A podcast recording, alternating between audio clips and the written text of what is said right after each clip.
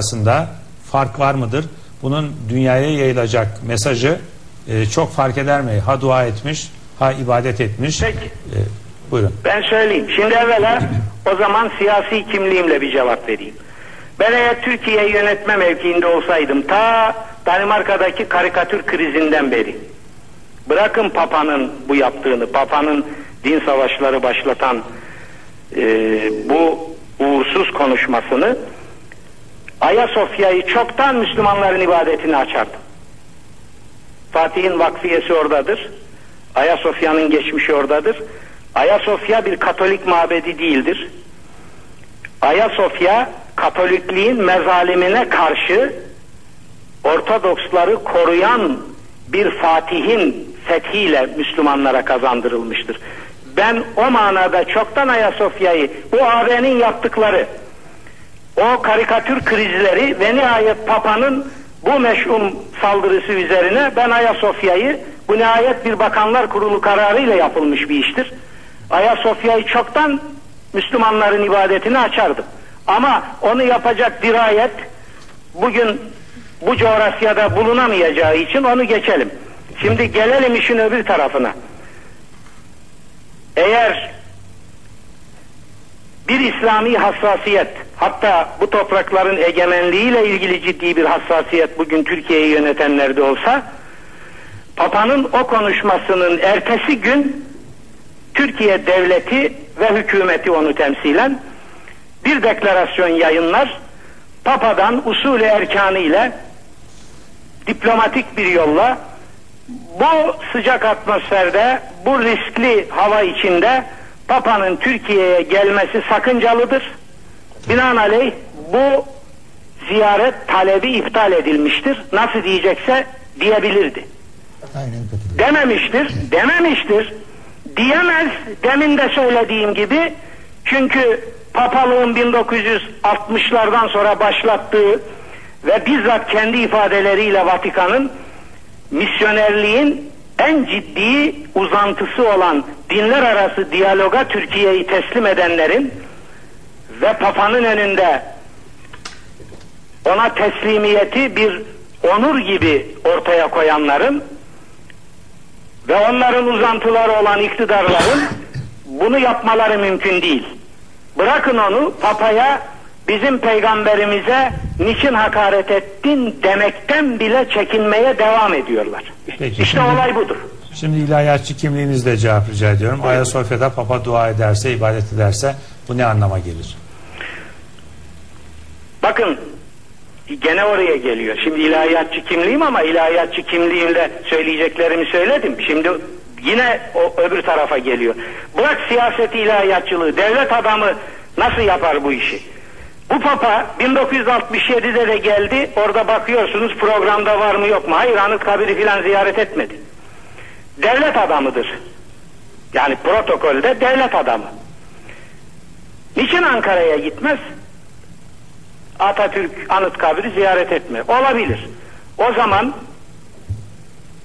Katolik Papa'nın Ortodoks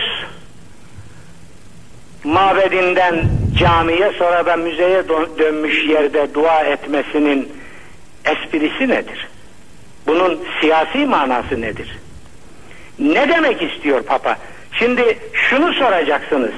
Papa Hazreti Peygamber'e İslam'ın peygamberine saldırırken niçin Ortodoks bir kraldan alıntı yapıyor? Ne demek istiyor? Şimdi Papa o meşhum konuşmasını yaptıktan belki bir iki saat belki iki üç saat sonra uçakta gazeteciler kendisine soruyor.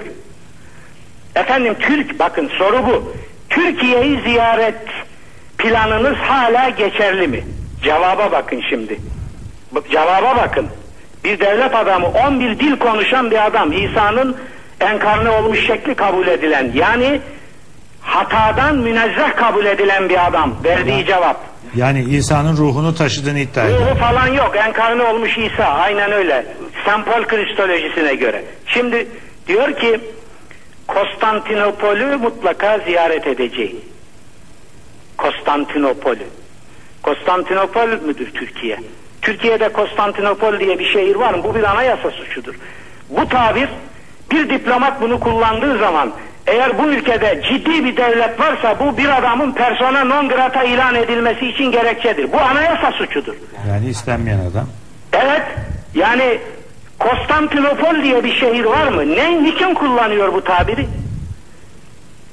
Patriğe atıf yapıyor. Patrik de İstanbul'un adını Konstantinopol olarak değiştirdi. AB Büyükelçileri de Konstantinopol olarak değiştirdi. Amerikan Büyükelçisi Konstantinopol olarak değiştirdi. Bunlar yaptıkları davetlerde ve birbiriyle yazışmalarında İstanbul kelimesini kullanmıyorlar. Ekümenik Doğu Roma Patriği tabirleri geçiyor az olmakla birlikte de facto durum yaratmak için bunları kullanıyorlar. Öbür taraftan da Konstantinopol'ün ekümenik patriği. Sevgili kardeşim bunların hepsi anayasa suçu. Ben 39 yıllık hukukçuyum ama bunun için hukukçu olmaya gerek yok. Yani gazete okumak yeter. Türkiye'de Konstantinopol diye bir kent yok. Ekümenik diye bir patrik yok. Bunlar anayasaya aykırı. Açın bu devleti kuran iradenin baş mimarı, şehit dedelerimizin kumandanı olan zatın nutkunu okuyun. Nutkun bir ve ikinci sayfasında Patrikhane'nin hıyanet ve ihanetinden bahsedilir. Bunları şimdi bu devleti yönetenler nasıl görmezlikten geliyor?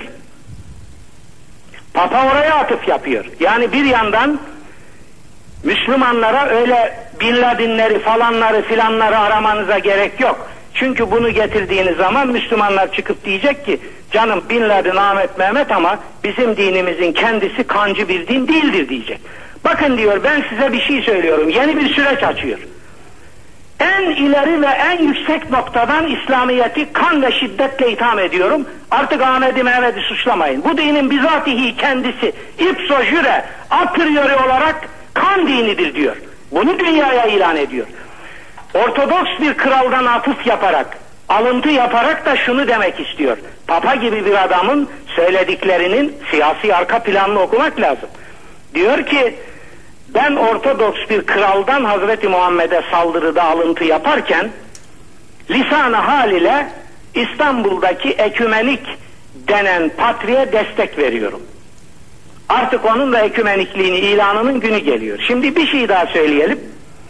Patriğin bu meşhum konuşmasından beş gün sonra benim de üyesi olduğum Türk parlamentosuna Türkiye'yi bugün yöneten iktidar Vakıflar Kanunu tasarısını sevk etti. Beş gün sonra. Evet. Nedir peki. o Vakıflar Kanunu tasarısı? Meclisteki basın toplantımda söyledim size de bir suretini gönderdim. Şudur. Burada gayrimüslim dükalıklar yaratmaya, onlara toprak kazandırmaya, uluslararası bağlantılarla güçlenmelerini sağlamaya ve özellikle Suriçi İstanbul'da Yeditepe'de ekümenik patrikliğe lent toprak hazırlamaya yönelik bir hazırlıktır.